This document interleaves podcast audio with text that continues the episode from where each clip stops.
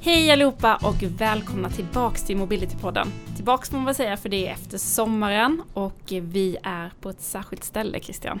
Det stämmer bra det. Eh, senast vi hörde så satt vi på kontoret i Malmö. Det Mm. var lite sommarkänsla. Nu är det mer höst. Vi möter hösten i Göteborg kan man säga. Ja, det gör vi. Och det var ju på nöd och näppe som vi kom hit idag, eller?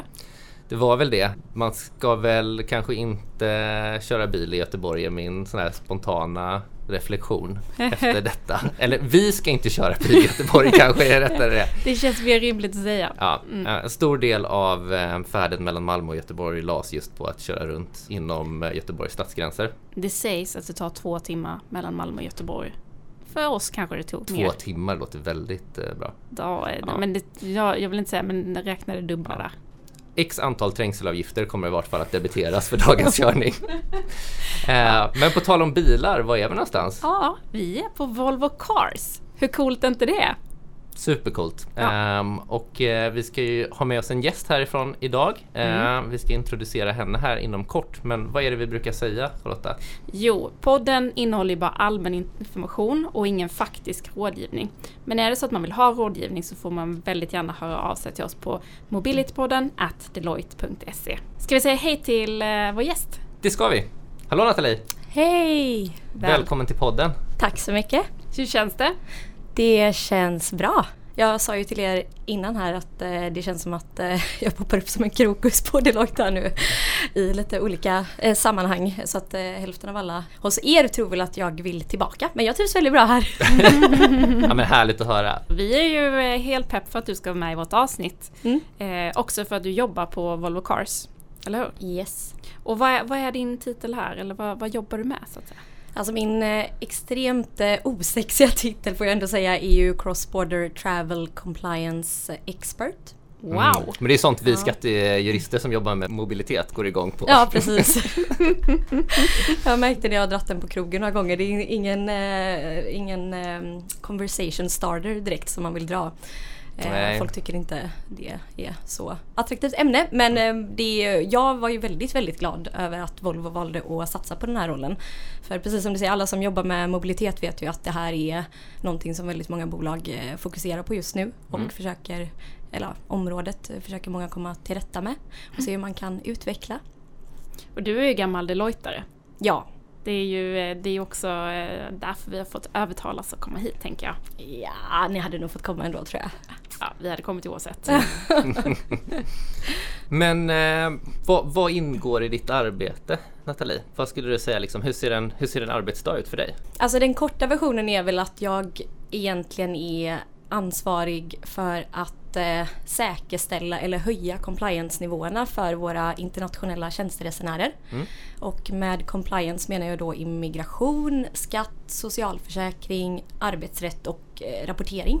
Sen att beskriva min dag har varit, äh, jag tror inte att det gör liksom rollen rättvisa riktigt för det har varit corona och det har varit en väldigt speciell situation att börja på Volvo. Jag började ju här i, i februari eh, och det är, ju så, det är ju säkert många som har haft en väldigt speciell situation på jobbet. Eh, men att vara ny här under covid och försöka ja, bygga upp det här området egentligen mer eller mindre har ju varit väldigt speciellt så att eh, Ja, det har varit en väldigt eh, blandad eh, kompott med saker som jag har sysslat med. Och sen har jag, eh, supporterar jag också Global Mobility-teamet lite i olika skattefrågor nu när våran kollega Sofia är på föräldraledighet. Okej. Så det är lite cross-border travel och sen är det lite skatt och sen är det lite andra grejer. Spännande. Mm. Men kan man säga att nu under corona så har ju ändå resandet verkligen gått ner. Eh, vad jag har hört från många andra organisationer eller företag det är ju att man ser det lite som att ja, men nu har vi verkligen möjlighet att sätta en, göra en omstart i att tracka sina business travelers till exempel. Mm. Jag har faktiskt fått motsatta frågan också om jag sitter bara och rullar tummarna nu när ingen reser. Men det är precis som du säger, det, det har gett oss ett, eh, ja, men ett utrymme att organisera oss lite på det området och eh, faktiskt bygga upp processer och ja, stå mer redo för när tr- eh, resandet börjar gå upp igen. För även om jag tror att vi kommer befinna oss i ett helt annat läge efter corona så är jag också ganska säker på att vi kommer se resandet öka. Mm. Eh, när det har liksom lugnat ner sig ut runt om i världen. Men hur många är ni i ditt team som jobbar med de här frågorna då? Formellt sett eh, rörande CBT som vi kallar det då, Cross Border Travel, så är det ju jag. Mm. Eh, men jag får ju jättemycket support från eh, skatteavdelningen. Eh, från mina Global Mobility-kollegor som på vissa områden har bättre kompetens om olika saker än vad jag själv har.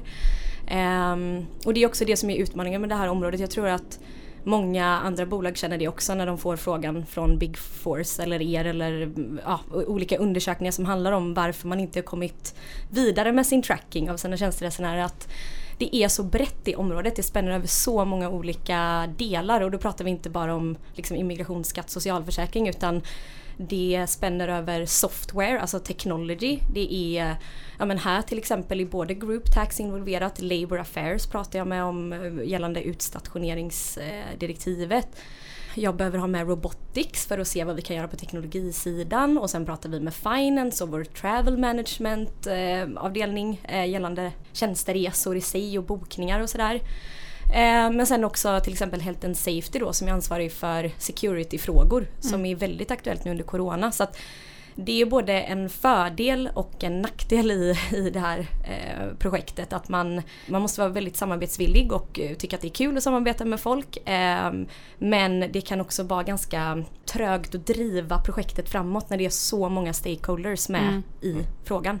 Min upplevelse lite är att mobility-avdelningar, eller vad säger de, har koll på de här assignments och allting. Men nu sitter du på en avdelning som har koll på resten som kanske inte alltid företag är medvetna om att här finns det jättestora risker. Nej. Så det är ganska, eh, inte unikt skulle jag inte säga, men det är ju ganska men, bra område att fokusera på. Det är eh, okrattad mark kan man väl säga. Ja, och jag, jag är väldigt tacksam över att Volvo, och det var också det jag tyckte var lite coolt med Volvo Cars, att de liksom ställer sig i frontline och har lite fattat att eh, man kan inte, eller det går, nu ska jag inte säga så, det går säkert att lägga det på Global Mobility Team på, på andra bolag on, on top of vad de redan gör. Men min erfarenhet är att många Global Mobility Team redan jobbar 100 eller ännu mer procent med det de håller på med idag, nämligen international assignments och processer runt om det. Eh, men här har man ju valt att då bryta ut liksom cross-border travel-hanteringen och eh, låta en person dedikerat jobba med det och driva det framåt. Eh, och det tror jag är en, ett framgångskoncept om man ska lyckas med, med det här. Sen får vi ju se. det hänger ju lite på att jag lyckas här.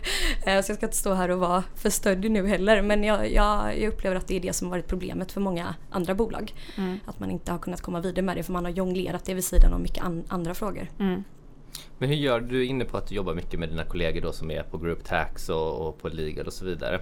Eller på Labour sa du? Ja. Eh, och jag tänker då, hur, hur, gör ni när ni jobbar tillsammans? Sitter ni i arbetsgrupper då eh, för olika typer av projekt? Eller hur, ni, hur har du liksom disponerat arbetet så att säga? Alltså jag skulle säga att jag driver området ganska självständigt mm. eh, och planerar projektet och sådär. Men och driver det framåt. Och att eh, mina kollegor på skatt eller på eh, Health and Safety eller Robotics eller vad det nu än kan vara, att de mer plockas in som eh, SMEer säger vi då, Subject Matter Experts. Mm. Så att om jag är osäker på en fråga till exempel, nu, nu kan jag ju skatten för jag kommer från en skattebakgrund, men ibland kan det vara skönt att ha en kollega att bolla med eller stämma av saker mm. som Group Tax har koll på som inte jag har koll på. Till exempel Corporate Tax-frågor och sådär. Och då, då sätter jag ju mig ner bara med Ann-Charlotte eh, som jobbar på vår skatteavdelning mm. och bollar frågor fram och tillbaka med henne och stämmer av och ja, också fattar beslut om olika frågor som kommer att röra ja, hur vi vill lägga compliance-nivåerna på, på Volvo globalt helt enkelt gällande skattedelen. Mm. Men sen är det inte bara skatt. Det är också beslut som ska fattas kring vad vi vill lägga compliance-nivån på immigration och på socialförsäkring och på lite andra bitar. Mm. Jag kan tänka mig att det inte är väldigt sällan man sitter och diskuterar risker för fasta driftställen i andra länder som mm. man har haft tjänsteresenärer som har åkt till och det kanske är en större mängd eller sådär. Ja. Om det skulle vara en typisk fråga då som du bollar med corporate tax eller? Ja absolut och sen kan jag tycka alltså corporate tax-risker kan ju i allra högsta grad uppstå när folk reser men någonting som jag har tänkt på mycket nu när vi har det här, du kanske jag glider in på ett ämne ni ska komma in på mm. men economic employer när vi har gått ut och pratat med organisationen att eh, de här 183 dagarna är väldigt så här, jag tycker de är ganska etablerade eh, när man hör sig för runt om i business. Att folk känner till de här och det man nästan får göra nu då för att liksom nå fram med den här nya regeln är ju att så här, radera de här 183 dagarna från mm. din hjärna och ersätta dem med 15 och 45 Och, och där har jag upptäckt att när business får höra då att man, man aha, nu kan man bara vara i Sverige eller under vissa omständigheter då eh, de här 15 dagarna. Då kanske man låter folk jobba hemma mer. Mm. För ett ett bolag i ett annat land och där uppstår ju definitivt en, eh, en PE-risk, alltså fast driftställe-risk då. Eh, så det är ju någonting som i så fall hamnar då på ja, Ann-Charlottes bord på eh, vår skatteavdelning att titta mm. på. Mm. Så att det gäller ju att ha en balans där när man pratar med business kring det här med tjänsteresor och så för det kan ju också påverka andra delar som sen spiller över på corporate tax området helt enkelt. Men det är intressant att du nämner det här med economic employer för att det har ju vi också pratat väldigt mycket om och är väldigt intresserade av hur, eh, ja, men hur man tar upp i organisationer. Hur har ni valt att göra på Volvo Cars? Det känns som att eh, Volvo Cars, i alla fall min, eller min uppfattning är att många ute i business känner till att det här skulle komma för det har pratats mycket om det. Nu är inte jag den som ska svara på hur vi jobbar liksom strategiskt med att förbereda oss för det här men när det kommer till vårt eh, CBT-område då, alltså våra tjänsteresenärer så har ju jag satt på plats en policy och en guideline eh, globalt för cross-border traveling på Volvo och den kommer ju att spegla då de här 15 och 45 dagarna. Och sen har vi också jobbat ihop med vårt travel management team på Volvo Cars som jobbar med Amex som är vårt, eh, vår provider då på vad ska man säga, bokningssidan. Mm. De har ju också då speglat eh, sina notiser när man bokar en resa till Sverige. Eh, ja, där det står helt enkelt att eh, notera att du planerar att åka på en eh, resa som överstiger 15 arbetsdagar till mm. Sverige. Enligt Volvos policy så ska du kontakta Global Mobility eh, om det här är en resa du behöver ta. Så att eh, ja, vi har jobbat lite så på de bitarna hittills. Ehm, sen när det kommer till typ rapporteringskrav, alla de bitarna som liksom kan träffa bolaget det skulle jag säga ligger mer på eh, Group Tax eh, bord då och kika mm. närmare på. Men är det någonting då som ni jobbar med tillsammans? Eller är det att alla sitter lite på sin kammare och filar på hur det här påverkar deras ben av verksamheten? Alltså Volvo har ju en eh, strategi att jobba ganska agilt och mm. cross departments. Mm. Så jag skulle säga att vi... Ibland glömmer man av det. Mm. För att självklart är det så att alla avdelningar har sitt egna syfte och liksom... Ja men om jag ska jämföra min och Ann-Charlottes roll så som hon sa till mig häromdagen. Hon är ju liksom... Hon, hon ska upprätthålla liksom compliance från ett skatteperspektiv på individsidan eh, och socialförsäkring då eh, för eh, Volvos anställda. Och det ska jag på ett sätt också göra men jag ska också ta in hela bilden för tjänsteresenärer specifikt och där kan det ju komma in helt andra frågor som ja, men, ja, som vi sa tidigare, immigration och utstationeringsdirektivet och eh, hur ska man få ihop en teknologi som rullar med det vi vill ha. Så att det är självklart så att vi samarbetar på de områden där vi överlappar varandra men eh, i vissa frågor så ska vi kanske också jobba lite mer separat för att vi har olika syften helt enkelt. Jag tänkte på det du sa innan Nathalie med att du också tar in och snackar med de som jobbar med robotics. Mm. Hur fungerar det? Vad är det du tar in dem i för fall? Liksom? Ja, alltså en del av det här projektet med CBT är, rör ju teknologi. Mm. Alltså nämligen att uh, kunna tracka och automatisera processen med att uh, ens hitta uh, risker kopplat till tjänsteresenärerna. Eh, och eh, där har jag varit väldigt tydlig med att man måste först och främst titta på, ska vi eh, framförallt tracka folk från, från ett pre-perspektiv eller ett post-perspektiv och det tror jag många som jobbar med det här området känner till att man gör den uppdelningen lite. Och då kom vi fram till efter att ha gjort en analys internt hos oss att ja men pre-delen, det vill säga när man kanske vill fånga upp immigrationsrisker och sånt när någon precis har bokat en resa eller kanske till och med innan någon har bokat. Det kommer vi förmodligen behöva extern hjälp med och extern teknologi med. Men när det kommer till post-delen eh, så såg jag, eller tyckte jag, att baserat på att vi har ett globalt bokningssystem via Amex då, så kan vi själva analysera den här datan, rådatan från Amex eh, via API och med hjälp av vårt egna robotics-team här på Volvo. Så jag eh, kontaktade några kollegor på, det, på den avdelningen och frågade vad kan vi göra? Kan vi bygga dashboards? Sen har ju de en eh, pipeline med grejer som alla teknikteam har på stora bolag för att de är så eftertraktade. Så att vi får se när jag får hjälp med det. Men det känns ändå ganska coolt att, vi, att jag ens kan vända mig internt för att få hjälp med det och automatisera den rådatan då. För att kunna analysera till exempel skatterisker, hur länge någon har varit borta i något land mm. eller P-risker för den delen också. Häftigt. Mm. Spännande. Eh, men eh, jag tänker på det här, det måste ju finnas rätt mycket utmaningar med ditt jobb också. Mm. Har du några liksom så här, jag tänker är det att göra sig hörd inom organisationen? Nu, nu tvivlar inte jag på att inte du gör dig hörd inom den här organisationen. Men, men utmaningar generellt? Innan jag började där så tänkte jag att den största utmaningen med det här området eh, är att få ihop eh, det tekniska. Alltså när vi bara pratar eh, det här trackingverktyget. Om man har till exempel olika bokningssystem i olika länder. Men när jag började på Volvo så insåg jag ganska snabbt att vi har samma bokningssystem globalt och då tänkte jag att ah, det här kommer bli ja, det kommer gå som en dans liksom. men, eh, men, och det gjorde det ju. Jag är jättetacksam att, att, vi, att jag överhuvudtaget har de tekniska förutsättningarna här för det hade varit en jätteutmaning annars. Men det jag känner är utmaningen är nu är nog någonting som många känner igen sig som försöker driva det framåt. Att det är ett område som spänner över många olika avdelningar och många olika complianceområden. Och jag känner att, alltså jag hade ju en del i mitt projekt när jag började som hette Technology, sen hade jag en annan del som hette Communications och en som hette Project Management. Och eh, när jag gick igenom det här med mina kollegor så bara, men vad liksom ingår i project management? Så här, fluff, fluff grej liksom. Och bara, nej men alltså det behövs ett en egen pelare för det inom det här projektet för att det, det driver så mycket tid att, att, planera vad man ska göra, att planera om när det tar stopp någonstans. Eh, att mappa ut alla stakeholders som du har internt på bolaget där du ska implementera verktyget eller överhuvudtaget jobba med det. Att ta kontakt med de personerna, att nätverka runt om i, i organisationen för att dels öka medvetenheten kring riskerna med tjänsteresenärer men också liksom sätta någon slags plattform för ett framtida samarbete. Och det är det som gör den här rollen så himla komplex tycker jag. Att du kan inte bara vara materiellt kunnig, du behöver vara en grym kommunikatör, du behöver gilla teknik, du behöver älska att driva projekt och du måste ha tålamod som typ jag inte har egentligen så jag fattar inte hur man ibland liksom orkar fortsätta. Men det är också det som är en del av utmaningen och det är egentligen ingen eh, pik peak på något sätt mot vår organisation utan jag tror bara att det är så här det är att jobba med CBT och det har aldrig, eller det har inte gjorts innan här och, eller på andra många bolag heller i Sverige och då blir det hela tiden att man får testa ny mark med allting man gör. Mm. Det tycker jag är typ den största utmaningen. Men jag tror de har rätt person på rätt plats, det skulle jag nog säga. ja, vi får hoppas det. Det låter som det. Mm. ja, vi får se vad min chef säger efter den här podcasten. Det kommer gå fint. Ja. Det tror jag också. Men om du ska då liksom drömma dig bort, hur ser den perfekta liksom funktionen och ja, men gruppen ut och jobbar med de här frågorna, med mobility och med eh, tjänsteresenärer? Det blir ju lite uppenbart nu att jag liksom rippar hela Volvos koncept men jag har ju ändå jobbat med ganska många olika stora bolag eh, som har samma utmaningar inom mobility. Och jag tycker så som vi har gjort här är ett framgångskoncept.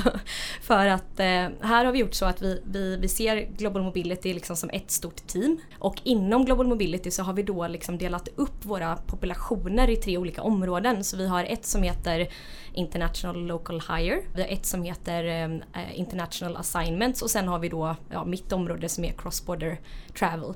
Och på det sättet så håller man ihop liksom mobility-avdelningen. För alla upplever ju att liksom vi jobbar som ett team och vi samarbetar och vi delar information som kan glida in på varandras områden.